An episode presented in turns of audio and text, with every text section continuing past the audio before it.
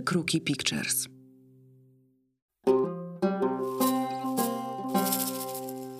Michał Leja, Łukasz Sokół o fotografii. Cześć Michał, cześć Łukasz, miło Was widzieć. Cześć Maja. E, słyszeć. No, my się też widzimy, my mamy ten komfort, że możemy na siebie popatrzeć.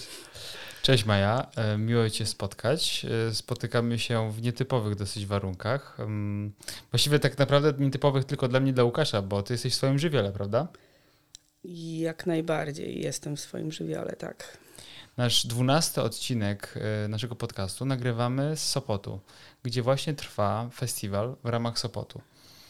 I tutaj e, nasza rozmówczyni, Maja Kaszkur, Kaszkur. odgrywa bardzo istotną rolę, o której dzisiaj nam między innymi opowie. Opowie nam o tym, czym się zajmuje. Maja Kaszkur, e, w ramach Sopotu to już jest twoja chyba piąta edycja jako kuratorka. Mm, Szósta. Szósta. Szósta. Jestem od, od drugiej edycji. Zrobiłam jedną wystawę Radka Polaka i postanowili mnie zatrzymać. Ale żeby uzupełnić, Maja Kaszkur, niezależna kuratorka, konsultantka fotografii, fotoedytorka, projektantka wystaw, fotografka. Pracujesz z artystami i fotografami e, nad ich długoterminowymi projektami na różnych etapach ich powstawania. Em, o festiwalu, Twoim udziale w ramach Sopotu już wspomnieliśmy. Również przez 4 lata byłaś e, kuratorką, prowadziłaś Jors Gallery w Warszawie. Y, tak, to chyba były cztery lata, zawsze mi się to myli, to już było trochę dawno. Trochę dawno, ale to były dobre czasy. No ja bardzo to sobie cenię, bardzo dużo się nauczyłam wtedy. y, Zostałam wrzucona na głęboką wodę od razu z tą pracą i no bardzo dobrze to wspominam, prawdę mówiąc. Trochę mnie zbudowała też i to, kim teraz jestem, dokładnie tamta praca. No i to jest właśnie coś, co mnie zawsze bardzo e, ciekawiło. Jak to się stało, że Maja Kaszkur, pan Kuwa, mieszkająca na skłotach w całej Europie, robiąca no, dosyć e, intrygujące projekty i rzeczy, nagle staje się kuratorką no, w najważniejszej galerii fotografii w tamtej czasie. To był absolutny przypadek. Ja nawet nie aspirowałam do tego, żeby być e, kuratorem w tym miejscu, ani żeby być kuratorem w ogóle. Ja chciałam się zajmować fotografią, być fotografką po prostu. Studiowałam fotografię i jakby myślałam o tym, że tylko i wyłącznie tym się będę zajmować. I to był absolutny przypadek, dlatego że em, miałam jakiegoś rodzaju łatwość, taki nie tyle talent, co zwykłą zdolność edytowania zdjęć. E, I to, o tym wiedzieli moi znajomi ze studiów, e, zawsze sobie pomagaliśmy. I ja to robiłam też z przyjemnością, znajdowałam nowe połączenia, nowe konteksty pomiędzy, pomiędzy zdjęciami. I zupełnie przez przypadek, przez jakichś znajomych zostałam zatrudniona w, y, jako taki mm, człowiek od zdjęć. To się nazywało dyrektor artystyczny, ale to była taka funkcja kogoś, kto wybiera zdjęcia, edytuje je w magazynie, a mówię tu konkretnie o pozytywie. I od tego się zaczęło, a po prostu właściciel tego magazynu był również właścicielem tej galerii. I e, pamiętam, że ten wyszedł tylko jeden numer. Jego em, tematyką miała być tożsamość. I ja wtedy znalazłam takie zdjęcia archiwalne australijskie, makszoty, z, tak zwane, to już się przyjęło, przyjęło się takie słowo. Znalazłam je na blogu Aleka Sota. Miał tam ze dwa zdjęcia, coś napisał na ten temat. I one mi się były fantastyczne, te portrety po prostu. To było coś niesamowitego. Mm, Coś niezwykłego mówiło o tamtych czasach, bo to były portrety mm, z mm, aresztów policyjnych. I to, jak zachowywali się ci ludzie na tych portretach, no to było niesamowite. Y, Zdjęć było oczywiście o wiele więcej. Były zdjęcia z miejsc zbrodni, to mnie zawsze fascynowało. takie, takie bardzo kryminalistyczne podejście do tego, jak powinna wyglądać y, fotografia, ale wtedy skupialiśmy się na, tym, na tej tematyce tożsamości i ja po prostu wybrałam dosyć dużo tych portretów y, do magazynu. I mm, najwyraźniej to bardzo zaskoczyło, wszystkim się spodobało i zaproponowali mi, żebym zrobiła właśnie y, wystawę na inaugurację tego magazynu, na, na pokazanie tego pierwszego numeru. I okazało się, że po prostu niesamowicie spodobało się to wszystkim, nie tylko ludziom, którzy, nie, nie tylko środowisku fotograficznemu czy związanemu ze sztuką, ale y, odwiedziło tą wystawę Mm, z tego co pamiętam, e, ponad 10 tysięcy osób. W, w galerii był licznik taki przy drzwiach, stąd wiem. No, no i to, jest, jest imponująca liczba, naprawdę. Tak, jeśli chodzi o naprawdę taką małą, y, prywatną galerię, 10 tysięcy osób, no to jest niesamowita liczba. 10 tysięcy osób odwiedzających wystawę to jest y, więcej niż nakład niejednego pisma fotograficznego. Dokładnie. A zawsze wydawałoby się, że jest odwrotnie, że jeżeli ktoś chce docierać do najszerszej publiczności, no to powinien publikować, drukować. No, dzisiaj to już jest internet.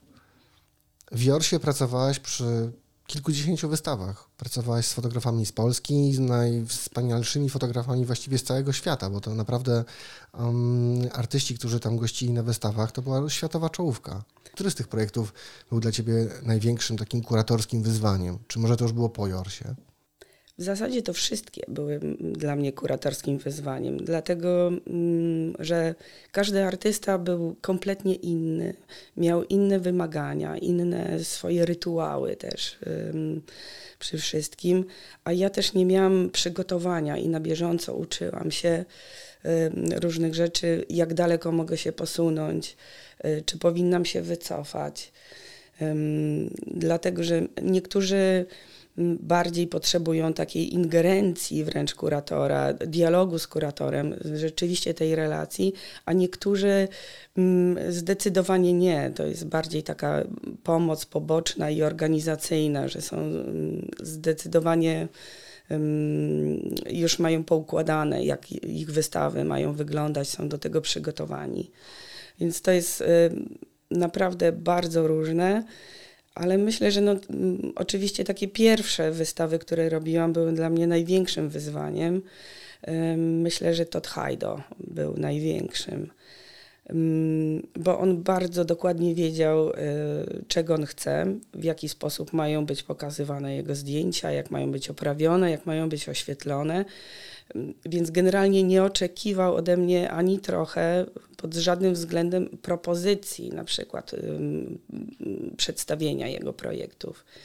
Aczkolwiek troszeczkę przemyciłam właśnie y, edycję zdjęć i też i układ ich na ścianach. To było dla mnie no, potworne wyzwanie, bo ja jeszcze nie wiedziałam, y, w jakiej przestrzeni ja się poruszam, jeśli chodzi o takie relacje kurator-artysta. No i tą współpracę naprawdę bardzo, bardzo dokładnie pamiętam i super ją wspominam. I Toda Hajdo spotkałam po 10 latach, jak, jak yy, yy, wszyscy jesteśmy fotografami, tak? Mhm. Został zaproszony właśnie na, na pokaz i na wykład. Yy, I go spotkałam jeszcze raz i bardzo się z tego cieszę, no bo tak naprawdę mm, może nie jakoś bezpośrednio, ale też dzięki niemu ta moja droga taka kuratorska się rozwinęła bardzo. No tak, ja pamiętam tamte czasy, y, co wystawa, to po prostu na kolanach się niemalże tam wchodziło do, do galerii. E, moją ulubioną to była e, Corinne Mercadier, e, która... Ach, fantastyczne, fantastyczne zdjęcia. zdjęcia. Polaroidów dużo, formy, maluciupeńkie te zdjęcia, jeden do jednego tak naprawdę.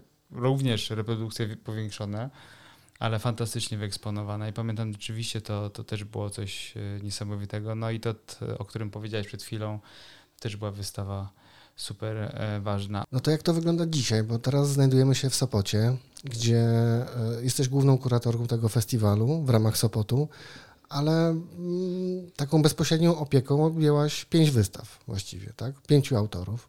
Mm, tak. Mm, Dlatego, że znaczy różnie można traktować te funkcje festiwalowe. na przykład nie, nie chcę sama dawać sobie miana dyrektora artystycznego. Wolę się skupić rzeczywiście na pracy nad wystawami, że jestem głównym kuratorem tego festiwalu, rzeczywiście robię jak najwięcej, największą ilość wystaw ze wszystkich, są też inni kuratorzy, ale daję im wolną rękę, bo bardzo mi zależy na tym, żeby rzeczywiście nadal y, uczestniczyć w tym y, świecie tworzenia wystaw. Dlatego, że ciągle obawiam się, że będąc takim dyrektorem artystycznym wszystkiego, staje się bardziej menadżerem, który y, próbuje wszystko ogarnąć, żeby wszystko dobrze działało. A wtedy ten, to mięso E, że taki dyrektor artystyczny zajmuje się po prostu tym, żeby cały talerz e, wyglądał fantastycznie, a to mięso i te poszczególne potrawy, wtedy mm, on już ich dokładnie nie dotyka, a ja lubię tą pracę właśnie nad tymi elementami i chciałabym jakby cały czas się tym zajmować. No i właśnie tutaj widzimy, każda z tych wystaw jest zupełnie inaczej zaaranżowana, każda zupełnie inaczej jest powieszona. I tu nie chodzi o to, że one są w różnych ramkach. I e, tak mi się wydaje, jakbym miał znaleźć jakiś taki wspólny element do tego, co ty robisz, to ty szukasz relacji między tymi pracami, między tymi obrazami. Czy to mogę tak powiedzieć? Tak, no rzeczywiście, bo to jakby tutaj jest jeszcze kilka płaszczyzn. Po pierwsze, każdy kurator ma jakąś swoją manierę i jakieś swoje um, ulubione rzeczy, które lubi robić z przestrzenią i uważa, że to ma sens, że, że jakby powtarzamy różne rzeczy we wszystkich wystawach i każdy kurator jest zdecydowanie inny. Tutaj jeszcze dochodzi wątek do tego, że um, do tego taki, że mm, jest program rezydencki nie tyle chcę łączyć to, te, te projekty, w tym roku było trzech rezydentów, co muszę ich e, umieścić na wystawie zbiorowej e, w taki sposób, e, żeby jednocześnie oddzielić ich pracę, pokazać ich indywidualizm w jakiś sposób, ale też jakby pamiętać o tym, że to jest zbiorowa wystawa i te rzeczy wiszą obok siebie i jednak mimo wszystko są w, we własnym kontekście obok siebie, więc o tym też cały czas muszę pamiętać. Też muszę pamiętać o osobowości i charakterze wszystkich autorów, żeby za bardzo nie narzucać im takiej mojej wizji żeby też pamiętać o tym, żeby mm, wydobyć z nich jak najwięcej, żeby pokazać ich pracę jak najbardziej, a nie moją, prawda? Że mm, z jednej strony bardzo lubię y, projektować wystawy, trochę mam tu często taki dysonans, a z drugiej chcę pozostawać tą szarą eminencją i tym charakterem takim za, za kurtyną i eksponować, pracować nad tym, żeby jak najlepiej wyeksponować czyjś projekt. Przed chwilą z Michałem rozmawialiśmy z Sebastianem Rogowskim i on powiedział, że mm, on tą wystawę e, Dyskomfort, która jest do obejrzenia w galerii Kik, zobaczył pierwszy raz gotową przez szybę, czyli tam było tak, tak. po prostu tak wielki poziom zaufania, że w tym procesie nie uczestniczył w, z tobą jakby równolegle. Właściwie oddał to w twoje ręce. Yy, tak, to też wynika z tego, że on, on sam trochę nie wiedział, jakiego ro, yy, rodzaju ma być relacja kurator-artysta, bo on w sumie jest yy, debiutantem, dopiero miał jedną taką solową wystawę. Mm, trudno nam się było spotykać e, wcześniej, projektując to wszystko, dlatego że on mieszka w Holandii. Po prostu rozmawialiśmy na ten temat zdalnie. Ja mu wysyłałam oczywiście projekty.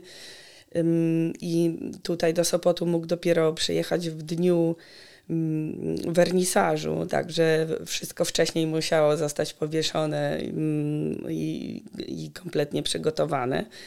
Więc rzeczywiście przyjechał do Sopotu i mógł zajrzeć przez szybkę i dopiero na własnym wernisażu po raz pierwszy zobaczył na żywo swoją własną wystawę, tak. To musi być niesamowite uczucie. Wystawa, e, dodajmy, jest e, wystawą wyeksponowaną tak, y, nie chcę powiedzieć niekonwencjonalnie, e, ale, ale na pewno nietypowo. E, są nietypowe środki wyrazu, takich, e, tak jak na przykład forma prezentowania fotografii nie w ramie, tylko na boksie drewnianym. Też rytm tej wystawy jest taki nieoczywisty. Trochę mi to wszystko, wszystko przypomina taką muzykę atonalną. Skąd ten pomysł w ogóle? Y, chciałam po prostu um, uwypuklić formą prezentacji, chciałam uwypuklić e, tematykę tej pracy. Ale też taką formą um, miałam nadzieję, że niezbyt przytłaczającą, która rzeczywiście doda coś e, tym fotografiom bardziej niż je przytłoczy i do po prostu do, do hasła, do, do tematu dyskomfortu.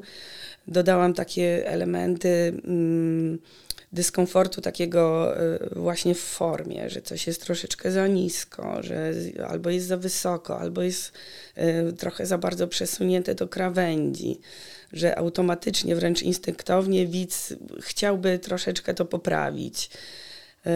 No mam nadzieję, że to gra razem. Z tego co wiem, Sebastian jest całkiem zadowolony z tego, jak to wyszło. No bo jednak rzeczywiście na takim płaskim jakimś projekcie w PDF-ie to może wyglądać dosyć dziwnie i często wyobraźnia to jest nie wszystko, nie wystarcza, żeby zobaczyć, jak to będzie w przestrzeni. Też często zdaje się na instynkt sama, bo próbuję nowych rzeczy, których e, jeszcze nie robiłam, w sensie wystaw e, jeszcze w taki sposób nie planowałam. Mówisz o takim planowaniu cyfrowym, zdalnym, tak? E, nie, mówię generalnie o, w ogóle o projektowaniu wystaw, że staram się robić nowe rzeczy, oczywiście dopasowując je i do artysty, i do fotografii, i do projektu, jaki ma do zaprezentowania, ale staram się szukać nowych, e, nowych form, po prostu też, żeby um, dla samej siebie, żeby mój umysł nie zastygł i żebym po prostu nie popadła w, w absolutną rutynę, robiąc ciągle jakby jedną wystawę, z, tylko zmieniając no, tak zdjęcia w ramkach. Dokładnie. No tak, a tutaj jeszcze y, mamy do czynienia z, na, na wystawie Elis Hoffman. E, Elisa Hoffmana, tak, jest jeszcze jedna nietypowa formalna, formalny zabieg, jakim jest umieszczenie jednej fotografii na styku z lustrem. E, to był pomysł, no tak, to był mój pomysł i prawdę mówiąc kompletnie przypadkowy wpadło mi do, do głowy kiedyś, jak piłam kawę rano, żeby spróbować, jak, jak to będzie wyglądać, że w ogóle lustro na wystawie fotograficznej jest czymś takim niesamowicie przewrotnym, bo używanie luster w ogóle na wystawach sztuki nie jest niczym nowym, moim zdaniem. Ale umieszczenie w takim cyklu fotograficznym wydawało mi się czymś ciekawym i początkowo moim pomysłem było to, żeby ktoś się przejrzał, widz, żeby się przejrzał w tym lustrze, oglądając zdjęcia w jakimś ciągu, nie wiedząc, że mm, jakby w jednej ramie jest lustro, mm, bo chciałam taki element dziwnego niepokoju wprowadzić do tego wszystkiego. I początkowo myślałam, że Elis się nie zgodzi, dlatego że mm, do tej pory on dosyć klasycznie pokazywał swoje zdjęcia na wystawach i dosyć tak, w taki klasyczny sposób to wszystko traktuje, ale się zgodził. I e, ja sama do końca nie wiedziałam, jaki będzie tego efekt. Y, też próbowałam sobie oczywiście na jakichś tam małych y, lusterkach i zdjęciach, ale nie wiedziałam, co się stanie z przestrzenią, jak ona urośnie, mm, jak zareagują widzowie. I mm, wydaje mi się, jestem bardzo zadowolona z tego, że po pierwsze to się sprawdziło i po drugie, że Elis się zgodził na coś takiego i jest tak naprawdę zadowolony. Też się cieszę z tego, że to nie jest właśnie taki, y, takie efekciarskie, że dodaje się coraz więcej, coraz więcej jakichś elementów, byle tylko wzmocnić przekaz. Cieszę się, że to jest taki, taki prosty, bardzo minimalistyczny mm, zabieg, mm, a bardzo dużo wnosi do tej pracy, jak sądzę. Tutaj w tym wypadku um, powiedziałeś, że wpadłaś na ten pomysł e, przy porannej kawie i tutaj mając jego zdjęcie, ten elektryzujący portret już w dłoni? Czy, czy w ogóle chodziło o to? Tak, miałam, miałam to zdjęcie, mm, miałam już jego w zasadzie wszystkie zdjęcia, które zrobił. Jeszcze nie zrobiłam jakiejś takiej kompletnej selekcji. Robiliśmy tą selekcję oczywiście razem. I początkowo Elis y, wybierał y, trochę inne portrety, bo oboje chcieliśmy, żeby ten, ten, ten portret, y, ta twarz taka z piaskiem utrzymana w takiej minorowej tonacji, bardzo ciemna, szarawa, żeby pojawiła się na tej wystawie. I początkowo chcieliśmy zdecydowanie coś, coś innego niż to. Mm, ale z jakiegoś powodu nagle ten portret zaczął przykuwać moją uwagę i coraz bardziej się do niego skłaniałam, że powinien być na tej wystawie. Mm, później pojawił się trochę ten pomysł z lustrem, to się po prostu nakręca i ewoluuje. Um, trudno jest mi powiedzieć na początku, czy mhm. na początku po prostu to nie, nie mam takich e, strzałów w stylu skończonych pomysłów od razu. No a portret okazał się na tyle przyciągający, że stał się właściwie głównym plakatem e, reklamującym festiwal. Mm, dokładnie tak, bo mm, zazwyczaj na festiwalu jest tak, że ja proponuję e, jakby to główne zdjęcie, które będzie i na plakacie i będzie reklamowało festiwal. Y, a w tym roku nie mogłam się zdecydować, więc tutaj zespołowi zaproponowałam cztery różne zdjęcia. I wszyscy wybrali to, że rzeczywiście jakoś bardzo zadziałało, mimo że to jest naprawdę klasyczny, zwykły, czarno-biały portret. A cofnijmy się może krok do tyłu, bo to, o czym teraz rozmawiamy, to już jest praca na gotowym materiale. A przecież y, olbrzymia część Twojej działalności to jest praca z fotografami w trakcie tworzenia ich materiałów. Tak, to znaczy akurat w tym przypadku też y, pracowałam z Elisem w trakcie, dlatego że kiedy tutaj była rezydencja, to przyjechałam, asystowałam mu, trzymałam blendę, wtrącałam się trochę. Co pięć minut pytałam się, jakie ma plany, trochę mu przeszkadzałam, tak naprawdę, wydaje mi się ale próbował się nie dać mi tego odczuć za bardzo. I uczestniczyłam w tym wszystkim, więc y, mm, przynajmniej ja mam takie wrażenie i nadzieję, że już w, w trakcie, kiedy robił te zdjęcia, y, miałam okazję to obserwować, dzięki czemu trochę bardziej rozumiałam, jaki, mm, jaki on ma kierunek, y, w, gdzie zmierza. I też w zasadzie trzeba pamiętać o tym, że te rezydencje tak naprawdę są dosyć krótkie. W tym roku mm, wydłużyliśmy je do dwóch tygodni, ale nadal to jest bardzo krótki okres, żeby, żeby się skupić nad tym projektem i pracuje się do, dosyć szybko i y, niekoniecznie Mm, artyści są do końca zadowoleni ze wszystkiego, co zrobili, że mm, chcieliby być może jeszcze coś poprawić, zrobić coś więcej, rozwinąć czasu. ten projekt, tak. A no, w rzeczywistości trwa to dosyć szybko, dlatego że mm, jakby do, do września trzeba skończyć z jakąś taką um, całościową wypowiedzią, która, która jest skończona i trzeba pracować na tym, co jest po prostu. No tutaj te reguły i twoja rola jest ustalona, ale poza festiwalem przecież pracujesz e, właściwie no, z czołowymi polskimi fotografami. Nie wiem, na ile chcesz, e, e, na ile możemy też powiedzieć, kim oni są. Niektórzy z nich mówią o tym otwarcie, chociażby Radek Polak, którego materiał, który realizował chyba za dwa lata, w którym pomagałeś, no to on zdobył dwa lata temu Grand Prix jako najlepszy projekt długoterminowy na, kon na konkursie Grand Press Photo i takich przykładów jest więcej. One są bardzo różne, ale to już jest bardzo długa współpraca. Często trwa miesiącami, a nawet, a nawet więcej. Mm, nawet tak, dłużej. każdy, znaczy Radek jest dosyć takim szczególnym przypadkiem, bo jesteśmy od kilku dekad przyjaciółmi i też e, wspólnie fotografowaliśmy w duecie. Um, I i to, to tak naprawdę um, nie wyszło nam. W sensie takim, że to, to, nie był, to nie był dobry pomysł na tą relację taką fotograficzną. Okazało się, że zdecydowanie lepiej się sprawdzamy, y, kiedy ja nie występuję w tej relacji w roli fotografa w ogóle tylko właśnie tej takiej szarej eminencji edytora, kogoś, kto się wtrąca, y, kogoś, kto ma dystans też do tych fotografii, dlatego że ja nie uczestniczę w ich robieniu, tylko po prostu później oglądam zdjęcia, zdjęcia widzę efekty, słucham historii. Słucham tego, mm, w jakim kierunku jakby myślenie Radka zmierza, jak to się rozwija. No i staram się jakby dopasować do tego, wspomóc go też jakimiś inspiracjami, jakimiś pomysłami, które on może jakby zaanektować do tej pracy albo nie. Oczywiście, że nie ma takiego obowiązku, Mm, ale ta relacja właśnie kurator, fotograf y, w przypadku Radka wychodzi nam całkiem nieźle już od lat. Podobnie to przebiega we współpracy z innymi fotografami?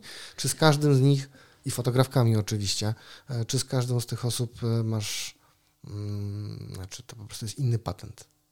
Mm, za każdym razem jest to inny patent. Aczkolwiek są to osoby, które rzeczywiście mają poczucie takie, że potrzebują um, takiej współpracy z kimś, że potrzebują jakiegoś dialogu na temat tej pracy, że, um, że sami być może um, coś pominą, czegoś nie zauważą, potrzebują kogoś z zewnątrz, kto być może kompletnie inaczej ułoży zdjęcia i otworzy im oczy na jakąś nową, ciekawą drogę w tym projekcie. I, ale rzeczywiście każdy jest kompletnie inny i muszę się, muszę pamiętać o tym też, żeby się dopasowywać, bo rzeczywiście zdarza mi się zapędzać za bardzo i traktować projekty jak własne. A to, to nie jest dobry pomysł. A jak ci się pracowało z Łukaszem, tu obecnym Sokołem? E, jeszcze nie skończyliśmy. Jeszcze nie skończyliśmy. Cały czas go męczę o następne zdjęcia. Dogniatasz go. Projekt jest jeszcze nieskończony. Tak, to jest Łukasz. ongoing. O tym nie musimy rozmawiać, ale tak, ten projekt y, będzie dalej trwał. A czemu nie chcesz o tym rozmawiać? Ja właśnie... Nie, Bo właśnie nie, Ja nie ja jestem bohaterem tego odcinka, no proszę. E, ja ciebie właśnie poznałem z opowieści Łukasza, tak e, jak się wydawało mi, że cię poznałem, bo teraz się okazuje, że cię znam z wielu innych wystaw. E, które w Jorsie miały miejsce między innymi oraz z, z, wielu magazynów e, pozytyw. Ale, ale ja bym tego wątku nie omijał. No, jest e, projekt ongoing, jestem dużym fanem tego projektu i trzymam kciuki. No tak, mówisz, że tutaj nawiązujecie do EMI. Pracujemy na tym już ponad rok razem i rzeczywiście, no, i mogę powiedzieć ze swojej perspektywy, że ta współpraca jest niesamowicie dla mnie otwierająca, otwierająca mi oczy na zupełnie inne patrzenie, na, na w ogóle budowanie historii. I, histor- i, i, relacji między tym, co widzę, co fotografuję, w sposób, jaki nigdy wcześniej tak nie myślałem o tym, więc to jest bardzo cenne. Ale nie ukrywam, że zawsze, kiedy się spotykamy, podglądam wiszące na ścianach e, prace innych osób e, nieśmiało. E, to są zupełnie różne rzeczy. Mm, pamiętam też takie sytuacje jeszcze za czasów Jorsa, kiedy mm, też współpracowałaś no, z naszymi kolegami i oni darzyli cię tak dużym zaufaniem, tak bardzo się zdawali na twoją intuicję, że potrafili zadzwonić na rozstaju dróg, czy mają jechać w lewo, czy w prawo, żeby dalej tak. fotografować. Tak. No to był bardziej taki żarcik, ale rzeczywiście była taka, taka sytuacja z Adamem Pańczukiem. No on wtedy pracował tam na Podlasiu i jeździł i, i robił portrety. No zresztą moim zdaniem zrobił kilka świetnych projektów i tak. bardzo się cieszę, że ma o mnie dobre zdanie nadal. Jak jeszcze poszerzymy trochę to spektrum e, fotografów, z którymi współpracowałaś, bo też, e, tak jak już wcześniej mówiłem, to było całkiem sporo fotografów e, zagranicznych z tej pierwszej ligi. To które już nawet nie na poziomie samego projektu, tylko takim ludzkim wymiarze, które z tych spotkań było dla Ciebie takie szczególnie ważne? Nie wiem, o kim mówisz. Nie, nie wiem, w którą się, stronę zmierzasz. Nie, nie zmierzam w żadną konkretną, nie, nie, nie staram się ciebie nakierować, po prostu jestem ciekaw, która z tych osób była dla ciebie, nie wiem, wyjątkowa, powiedzmy. To jest taki ekskluzywny dostęp do, do, do, do fotografów, których no, nie mamy go na co dzień, przynajmniej inni nie mają. Hmm, chyba tak naprawdę o nikim tak nie myślę. Jak o kimś takim, znaczy to zabrzmi teraz okropnie, bo mm, tak naprawdę, nie, może tak, ym, każdego uważam za wyjątkowego. No to mamy sprawiedliwość przynajmniej jakąś. Naprawdę każdego uważam za, za, za wyjątkowego i każdego uważam za osobę w procesie, że nie, nie wszystkie projekty są fantastyczne, ale trzeba zakończyć jakiś etap, żeby przejść do następnego. Trzeba no, tak naprawdę jak najbardziej traktować to jako drogę. Wywodzisz się z Poznania. Zawsze jest tak, że ta szkoły fotogra- fotograficzne jakiś tam sznyt w nas, y, powiedzmy, kształtują. To jest szkoła artystyczna, gdzie mm, też w Twojej twórczości ona się opiera w bardzo dużej mierze na portretach. Ale czy Ciebie w ogóle dzisiaj interesują takie podziały? Co Ciebie właściwie dzisiaj w tej fotografii najbardziej interesuje? Bo katedra, tak do, dodajmy, y, to były intermedia, prawda? E, to się nazywało Wydział Komunikacji Multimedialnej. No i to by po prostu fotografia ale akurat w tym czasie, tak naprawdę to chyba nadal, na, najmocniejszą pracownią, która, która tam była, to była pracownia intermediów Krzysztofa Baranowskiego. I ja rzeczywiście w tej pracowni robiłam dyplom i te zajęcia i, i ten kontakt no, dał mi najwięcej do myślenia w ogóle też i na, na, na pewno niosę to ze sobą, ten taki rodzaj edukacji, taki rodzaj wprowadzenia mm, do tego, czym jest fotografia, co można z nią zrobić, e, e, jak posługiwać się tym językiem. No, rzeczywiście to miało na mnie bardzo duży wpływ. A gdzie dzisiaj idą Twoje poszukiwania? W jakim kierunku? Co Ciebie najbardziej kręci? Przyznaję się, że minimalizm. Mm, że mam wrażenie, że trochę jestem zmęczona grzebaniem w formie fotograficznej, że coraz więcej obcinam, coraz więcej mam oczekiwań, jeśli chodzi o bardzo proste zdjęcia. Kiedy robię składy, jakieś edycje, to um, włączam do nich coraz mniej zdjęć. Um, bardzo mi zależy, żeby były proste i jednocześnie bardzo wymowne, żeby miały jako takie, żeby same miały brzmienie żeby nie, nie musiały mieć dodatków. Szukam takiej naprawdę prostoty, bez czegokolwiek, co by mogło przeszkadzać. I takie, takie prace mnie interesują. Aczkolwiek myślę, że jestem już y, bardzo zepsuta, bo rzadko rzeczy mnie zachwycają. Wcale nie dlatego, że myślę, że nie powstają nowe, ciekawe prace. Oczywiście, że tak. Tylko, że, tak, y, że czasem mam mm, jakby taki mm, problem ze zmęczeniem, takim przeoglądaniem. I też y, denerwuje mnie to, bo mm, jestem świadoma tego, że mogę coś przeoczyć, że, że mogę czegoś nie zauważyć ale szukam naprawdę prostoty. Stąd na przykład wybór Elisa, stąd na przykład wybór mm, Sebastiana Rogowskiego, tak wracając trochę do festiwalu. Mm, oni posługują się naprawdę super prostym językiem, który moim zdaniem jest dźwięczny i ma swój głos i ma znaczenie, i jest to rzeczywiście jakaś ciekawa wypowiedź, e, która nie jest jakby przytłoczona hałasem jakimś, czy, czy obrazowym, czy jakichkolwiek innych dodatków. Ciężko e, odnaleźć tą prostotę w tym takim naszym świecie, który jest pełen hałasu wizualnego, e, w tych mediach, którymi się posługujemy powszechnie, czyli cyfrowymi mediami ciężko jest odnaleźć taki, taki minimalizm, taki spokój i taką esencję. Tak, bo trochę trudno pozbyć się hałasu. Ja tak naprawdę dosyć mało oglądam, jeśli chodzi o takie media społeczne. W zasadzie nic nie oglądam, jeśli chodzi o media społecznościowe, że staram się szukać um, jakichś ciekawych prac y, zupełnie, zupełnie gdzie indziej.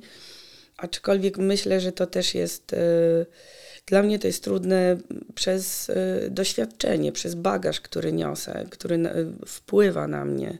I ten plecak jest ciężki i trudno jest go zdjąć. Mm, I zdaję sobie sprawę z tego, że mogę, mogę czegoś nie zauważyć, że coś mam zbyt nie wiem, cichy głos, żebym, żebym mogła to wybrać. Ale staram się być uważna jednak mimo wszystko. No ale powiedziałaś przed chwilą, że czujesz się momentami już bardzo zmęczona i, i przebodźcowana. No i jak sobie wtedy z tym radzisz? Nie oglądam nic zupełnie. Nie szukam niczego. Odcinam się zupełnie od obrazu. I potem to nagle samo wraca? Taki głód? Mm, tak, to prawda, to zawsze wraca, że mam jakiś moment taki, że mm, przeglądając cokolwiek w internecie, nawet nie, nie szukając niczego, po prostu zupełnie zwyczajnie wpadam na coś, co mnie wciąga i rzeczywiście powracam do tego, do tego stanu, kiedy znowu fotografia mnie interesuje i znowu chcę, znowu chcę się w to zaangażować, chcę więcej wiedzieć, chcę więcej zrozumieć, zobaczyć, jakie powstają nowe prace, jak wszystko się zmienia, jak to ewoluuje. No tak. Ale to nie musi mieć żadnego związku akurat ze sztuką czy, czy z fotografią. To, co ciebie inspiruje, to, co znajdujesz w tym internecie? Czy, czy ma? Nie, niekoniecznie. Lubię często oglądać różne śmieci internetowe. One też są inspirujące, jeśli chodzi o, y, o pracę i różne projekty. Znajduję jakieś śmieci internetowe, które y, wydaje mi się, że są ciekawe w eksploracji na przykład dla jakiegoś artysty, bo znam jego kierunki i podrzucam po prostu, że może, może tutaj jest coś ciekawego, co można by było dołączyć do pracy, ale zdarza mi się, że wynika to właśnie nie z interesowania się sztuką sensu stricte, ale po prostu z wyławiania jakiegoś e, rodzaju mm, rzeczy z kompletnie innych dziedzin i też z takich śmieci internetowych. To, mhm. Śmieci, które stają się fenomenem w pewnych kategoriach. Na jakichś stronach z memami i różnego rodzaju głupotami, wiadomo czym one są, wiadomo w jakim są kontekście, y, ale czasami łączą się z czymś innym i można je postawić w innej pozycji. I no, wszystkie źródła mogą być inspirujące. Myślę, że nawet często jest to ciekawsze niż szukać inspiracji tylko i wyłącznie w sztuce i tylko i wyłącznie w fotografii. Czy w ciągu ostatnich kilkunastu miesięcy było coś takiego, co Cię mocno zaskoczyło i zainspirowało? Bo mamy teraz taką e, no, późną pandemię, tak? taki okres późnej pandemii. Czy było coś, może jakaś zmiana w procesie myślowym twórców, która Cię zaskoczyła? Nie wiem, czy zaskoczyła, ale y, obserwuję coś takiego. Jakby mm, wynikiem tego też jest wybór Sebastiana Rogowskiego w ogóle, do, żeby pokazać jego pracę. Dlatego, że kiedy półtora roku temu, jakoś tak mniej więcej, się, zaczął się lockdown, ludzie stawali się dosyć tacy kreatywni, nie chcieli być pasywni Wydawałoby się, że wszyscy będą siedzieć w domu i korzystać z tego, że wolno im nic nie robić, że mają pozwolenie na to, mm, żeby być leniwymi, ale jednak chcieli być e, produktywni, mm, a czasem produktywni za wszelką cenę, żeby e, odpowiadać na jakieś pytania, w sensie fotograficznym, w sensie projektów fotograficznych, mm, odpowiadać na to, co, co obserwują, na to, co się dzieje, ale miałam wrażenie, że te projekty są dosyć powtarzalne, że mm, jakby interpretacja tego, co obserwują, też jest powtarzalna i że jest taka sama. Myślę, że to jest takie podejście mm, do projektów trochę z już gotową tezą. Mm, a nie rzeczywista obserwacja, interpretacja w taki metaforyczny, fotograficzny sposób tego, co się dzieje. I wydaje mi się, że potrzebny był y, czas, żeby się zastanowić, żeby obserwować też siebie i otoczenie i mieć czas na to, żeby to zinterpretować. No i jedno, myślę, że teraz um, widziałam kilka dosyć ciekawych prac, które nie są, nie, nie wprost dotyczą lockdownu, COVID-u, Mm, i, i tej całej pandemicznej sytuacji, mm, ale mm, e, w jakiś tam sposób pośrednio z tego wynikają, dotyczą na przykład emocji, dotyczą relacji. E, I trochę coś takiego zrobił Sebastian. Jego praca jest taka dosyć wysublimowana mm, i mm, zaczęła się kompletnie inaczej i ewoluowała. Mm, I, I to też dzięki temu, że on sobie po prostu na to pozwolił. Pozwolił sobie na to, że nie wie, jak to się skończy. A powiedz mi, który z etapów realizowania projektu fotograficznego najbardziej Cię pociąga? Który jest może inaczej, nie pociąga, który jest Twoim ulubionym? Hmm. No myślę, że no, w zasadzie kilka. Sam początek jest super, bo jest, to jest bardzo ekscytujące, co można zrobić, w jakiej formie. Czy na przykład znaczy to jest dosyć różnie, bo fotografowie y, przychodzą do mnie jakby z początkiem pracy y, lub z jakąś częścią już zrobioną, ale zdarza mi się też, że po prostu przychodzą z pomysłem i od czego by to zacząć? Czy myśleć od razu o formie, w, w, jakim kierunku to ma podążać, y, czy po prostu wszystko wypuścić i zobaczyć, co się wydarzy. I lubię ten taki początkowy moment ekscytacji, myślenia, szukania, robienia jakiegoś researchu, no bo też pracując, ja muszę wiedzieć, o co chodzi, prawda, że sama muszę czytać, poznawać jakąś historię konkretną, e, wgryzać się w ten temat, żeby nic mi nie umknęło, żeby, że mm, po prostu te wszystkie wiadomości też dają mi inspirację do tego, jak konstruować później całą pracę. Mm, I, i lubię bardzo ten, e, ten początek ale lubię później też e, ten moment taki edycyjny, kiedy jest, e, jest już jakieś, e, kiedy mam właśnie takie gołe mięso i zaczynam je przyprawiać trochę i kombinować i bardzo lubię, e, bardzo lubię ten, ten etap. Dlatego lubię wieszać sobie zdjęcia na ścianach i one tam sobie siedzą i sobie dojrzewają a ja obok nich przechodzę i zaglądam czasami, co tam się dzieje. I czasem coś wpadnie mi do głowy, więc je zdejmuję, mieszam i wieszam jeszcze raz jakby w innej konfiguracji. I to jest, to, to też jest jeden z moich ulubionych momentów. I też, no i dalej, trzeci moment taki, no to już konstrukcji wystawy Lubię moment, który mnie męczy, bo kiedy lubię ten moment, znaczy lubię go później. Jak mnie męczy ten moment, w którym mnie męczy, to go nie lubię. Y, kiedy siedzę kompletnie z niczym, z pustą przestrzenią i jakimiś zdjęciami, które muszę tam umieścić i naprawdę nie wiem. I muszę coś zaryzykować, jakiś pierwszy krok, jakiś coś gdzieś powiesić, w sensie w wyobraźni od czegoś zacząć, y, myśleć o tym, na co największą skupić uwagę, którędy się wchodzi do tego pomieszczenia, co najlepiej zagra, co powinno być później. I ten moment taki, kiedy po prostu, kiedy nie wiem, jest dla mnie męczący, ale z jakiegoś y, masochistycznego powodu sprawia mi przyjemność. Ale wcielasz się w rolę widza, który będzie tą wystawę oglądał, czy starasz się, jak kogoś nakierować na to? Hmm, chyba tak naprawdę wcielam się w rolę widza, bo wyobrażam sobie, że oglądam tą wystawę, na co patrzę najpierw, w którą stronę się odwrócę, gdzie postawić jakąś ścianę, y, jaką formę powinno mieć to zdjęcie, w jaki sposób je oświetlić, a może lubię tą kombinację. Um, lubię ją zostawiać na jakiś czas i odchodzić. Lubię nie wiedzieć, czego tak naprawdę chcę. Um, próbuję czasem coś zaryzykować i um, pokazać fotografowi, nie będąc pewna zupełnie, czy to ma jakiś większy sens, bo tak naprawdę ja też potrzebuję takiej informacji zwrotnej. E, bo ja też czasem, bo fotografowie przychodzą do mnie po prostu, żeby coś im poukładać, żeby, e, żeby dać jakiś taki, taki bodziec, w którym iść kierunku.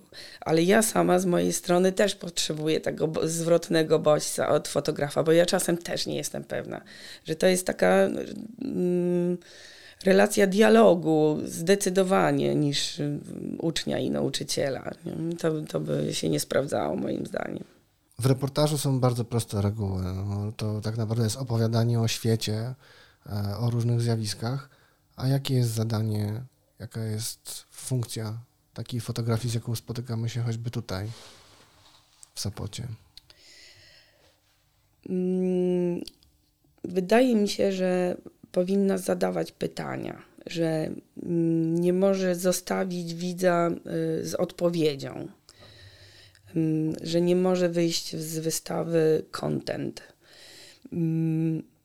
że coś go musi uwierać, że jakby oczywiście, że stawiamy na jakiegoś rodzaju harmonię, na sens, na logikę tego wszystkiego, mm, na jakąś taką całościową, skończoną wypowiedź, ale trzeba tam włożyć jakiegoś rodzaju cierń, y, mm, który spowoduje, że mm, widz będzie chciał się zastanowić nad tym tematem, y, nad tym problemem, którego dotyczyła ta praca, którą właśnie obejrzał.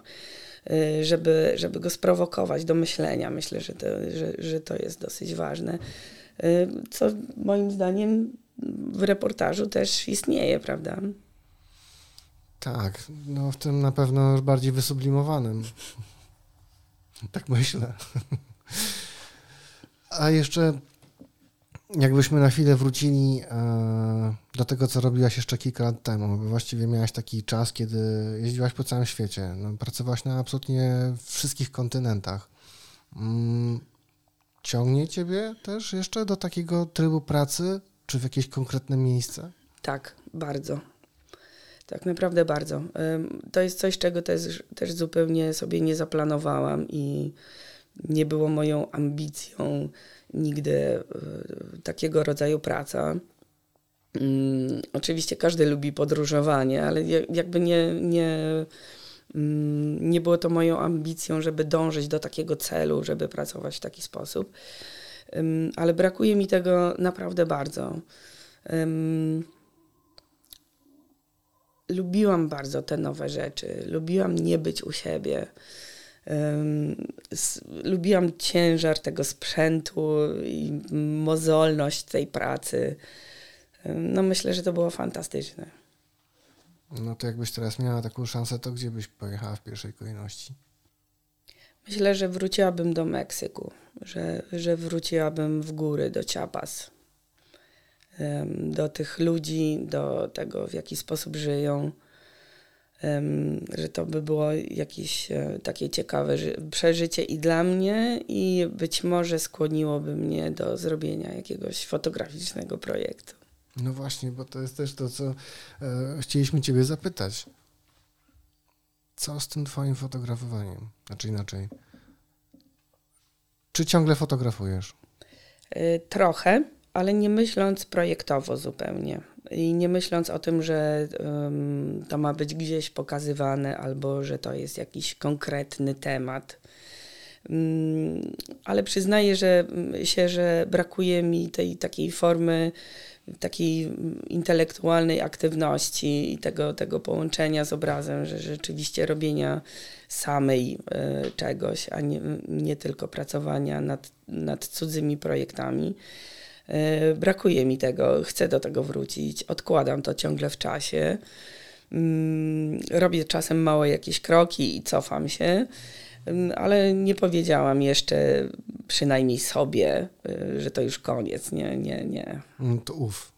A czy to jest trudne zdanie, e, fotografowanie, a później ocenianie własnych zdjęć i mm, układanie jej w jakąś e, formę, w jakąś formę, nie wiem, do publikacji, czy, czy może jakąś formę projektową?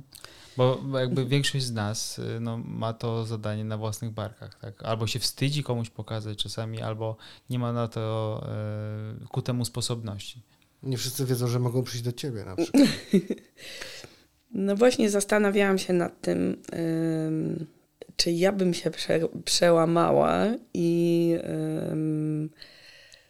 nawet, znaczy swoje zdjęcia pokazałabym komuś, oczywiście, że tak, ale y, czy zaakceptowałabym cudze uwagi, czy y, zaakceptowałabym czyjś, czyjś kierunek, czy byłabym rzeczywiście na tyle otwarta, nieuparta, żeby, żeby to się wydarzyło, żeby, żeby pozwolić komuś e, trochę uczestniczyć w mojej pracy. Nie jestem, prawdę mówiąc, jeszcze nigdy tego nie zrobiłam. Ale no. Ale to jest w ogóle pytanie, czy ty tego potrzebujesz? Może tego w ogóle nie potrzebujesz. W sensie wspomagania jeszcze e, od kogoś innego. Może możesz właśnie robić to wyłącznie zgodnie z własnym.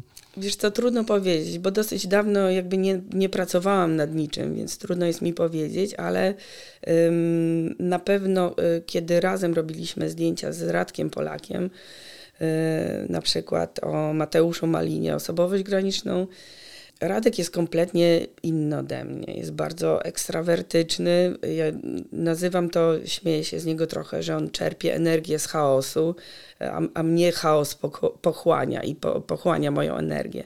Jesteśmy bardzo różni i ten, ta nasza współpraca była taka trochę często najeżona i dziwna e, i, i może nie jakoś super bardzo konfliktowa, ale rzeczywiście tam czasami były jakiegoś rodzaju zgrzyty które w efekcie były dosyć produktywne.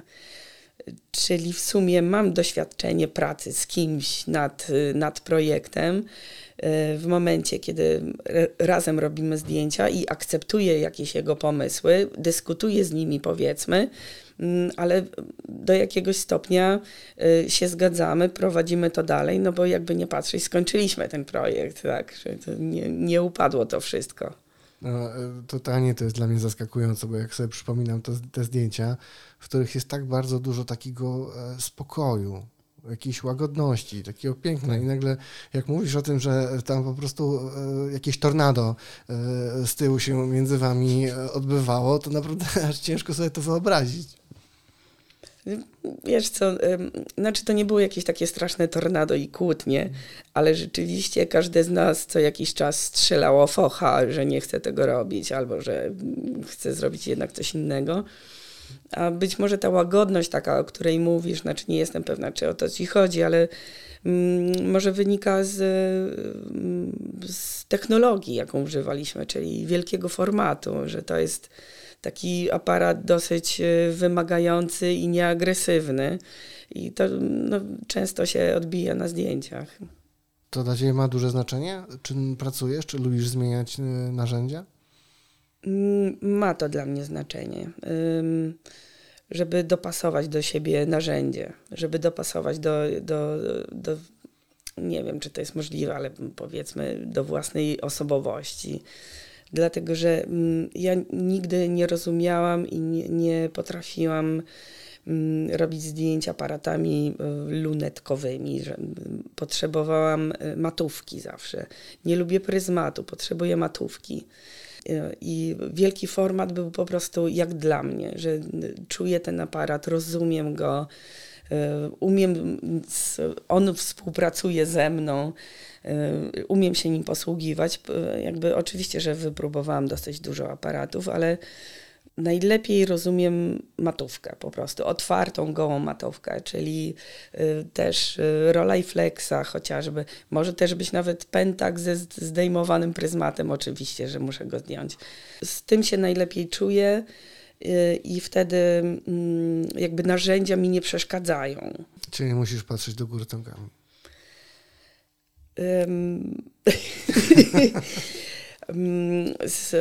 tak dużo pracowałam na wielkim formacie i też asystowałam e, fotografom e, przy pracy na wielkim formacie, że ja już, mój mózg nie widzi tego do góry nogami. E, wydaje mi się, że jest zupełnie normalnie, że tam nic nie ma do góry nogami, ani w lustrzanym odbiciu, że wszystko jest no, okej. Okay. Jakby się tak zastanowić, to jest zupełnie normalne. Przecież nasze oko też tak reprodukuje rzeczywistość. Tylko nasz mózg to odwraca. Tak, tak. E, no. no. w ogóle w tym dużym formacie jest zawsze dla mnie jakaś taka magia, no bo jednak e, następuje ten moment, kiedy wkładasz e, kasetę i mm, obraz na matówce znika. Patrzysz na to z boku i musisz e, zapamiętać ten kadr, to co widzisz. Wizualiz, wizualiz, wizu, Wizualizuj. Wizualizujesz to już później. Tak, wizualizuję. Dziękuję. No ale też jest to narzędzie, które y, przez swoją poręczność, a właściwie jej brak, y, wymaga skupienia po prostu i wyciszenia się, prawda, na tej ostatniej prostej. Chociażby e, sam etap jakby przygotowywania się do zrobienia zdjęcia, do rozstawienia tego sprzętu. No, Ale to jest, wiesz, no, to jest jakiegoś rodzaju takie w, e, wprowadzenie w sytuację. I mm, to jest super też narzędzie portretowe, dlatego że te, wszystkie te rytuały, cały ten proces, który y, towarzyszy temu właśnie rozstawianiu sprzętu, y, mierzeniu, sprawdzaniu wszystkiego i tak dalej, wpływa też na te portretowane osoby, że troszeczkę inaczej się zachowują, tak mi się wydaje zawsze. Y, I to jest ciekawe, no i to jest taka właściwość tego sprzętu. Dla niektórych fotografów jest to potworne utrudnienie, ale to nie znaczy, że to jest coś złego, po prostu ich narzędziem jest innego rodzaju aparat. To ja mam ostatnie pytanie. Okej. Co przywozisz ze świata? Mm, To jest pytanie takie metaforyczne, czy... mm, Niekoniecznie. Jestem ciekaw, co sobie przywozisz z tych różnych miejsc, tak bardzo nietypowych, które odwiedzałaś, bo kiedy mówię, mówiłem o tym, że e, podróżowałaś po całym świecie, to nie miałem na myśli e, miast z największymi lotniskami, tylko już takie naprawdę wchodzenie często bardzo głęboko w miejsca, które są absolutnie niedostępne dla przeciętnych turystów. To znaczy, no tak teraz przez chwilę y, staram sobie przypomnieć, czy, czy jest coś takiego, co sobie przywiozłam i rzeczywiście to sobie cenię. I tak naprawdę zupełnie nic y, nie przywożę sobie żadnych przedmiotów. No często książki tak, fotograficzne, ale to tak mm, to trochę coś innego. Ale jest taka jedna rzecz, którą uwielbiam i e, przywiozłam ją sobie z Ulaanbaatar. Mm, Tam pracowaliśmy ja przyjechałam jako pierwsza i, i czekałam później na całą załogę. E, Dlatego zwiedzałam sobie miasto i poszłam do jakiegoś muzeum. To już było dosyć dawno, trochę nie pamiętam jakie to było muzeum. I tam była wystawa takich, e, takiego pisma staromongolskiego, naprawdę niesamowitego, kaligrafii. i Oglądałam ją sobie i spotkałam tam kobietę, e, która miała takie kamienne pieczęcie właśnie z tym liternictwem.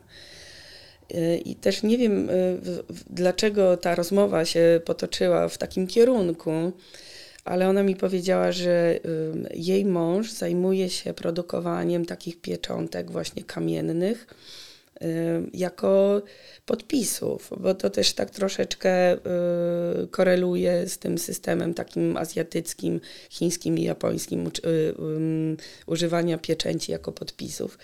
Najwyraźniej tam też y, jest coś takiego. Ja po prostu poprosiłam, żeby zrobił taką pieczątkę z moim imieniem. Y, W sensie chyba to jest y, sama, nie wiem, fonetycznie Maja. Y, z- Mam zrobioną taką pieczęć kamienną z wyrzeźbionym takim kwiatem i używam jej do, te, do tej pory jako ex libris książkowy. Uwielbiam ją. Tak, to to jest to, co sobie przywiozłam i, i cały czas to jest dla mnie ważne. Maju, dziękujemy Ci za e, fascynującą rozmowę. Ja Wam też bardzo dziękuję. No i czekamy na projekt. Czekamy spokojnie. E, Ja czekam na mm, projekt EMI. Jakiś, składamy teraz jakieś deklaracje może obydwoje. Nie, nie Ja musimy mogę tego, być tylko świadkiem. I to się nagrywa, jeszcze przypomnę. już, sobie to, co, już sobie to ogarniemy poza anteną. Dzięki Maja bardzo. E, cieszę się bardzo, że po tylu miesiącach w końcu nam się udało z Tobą e, spotkać i, i porozmawiać. Mm, Czekam na kolejną rozmowę. Ja, ja czekam na kolejną, bo wy czekacie tutaj na siebie. Ja mogę tylko na rozmowę kolejną czekać. No i czekamy na kolejną edycję e, przyszłoroczną e, Festiwalu Fotografii w ramach Sopotu. Bo to, co tutaj do tej pory obserwujemy, no to jest po prostu pyszotka, słodycz. Super, dzięki. A dzisiejszy odcinek powstał dzięki wsparciu portalowi Szeroki Kadr. Szeroki kadr, czyli dobrze wykadrowany portal o fotografii. Jest to portal, e, gdzie dowiecie się wielu ciekawych rzeczy. Poza tym oczywiście, że jesteśmy zaszczyceni tym, że e, nasz podcast jest e, dostępny na łamach szerokiego kadru. Znajdziecie tam wiele poradników, wywiady z fotografami miesiąca, teksty, filmy, wideo. Masa inspiracji. Zapraszamy. Zapraszamy. To były trzy kruki Pictures.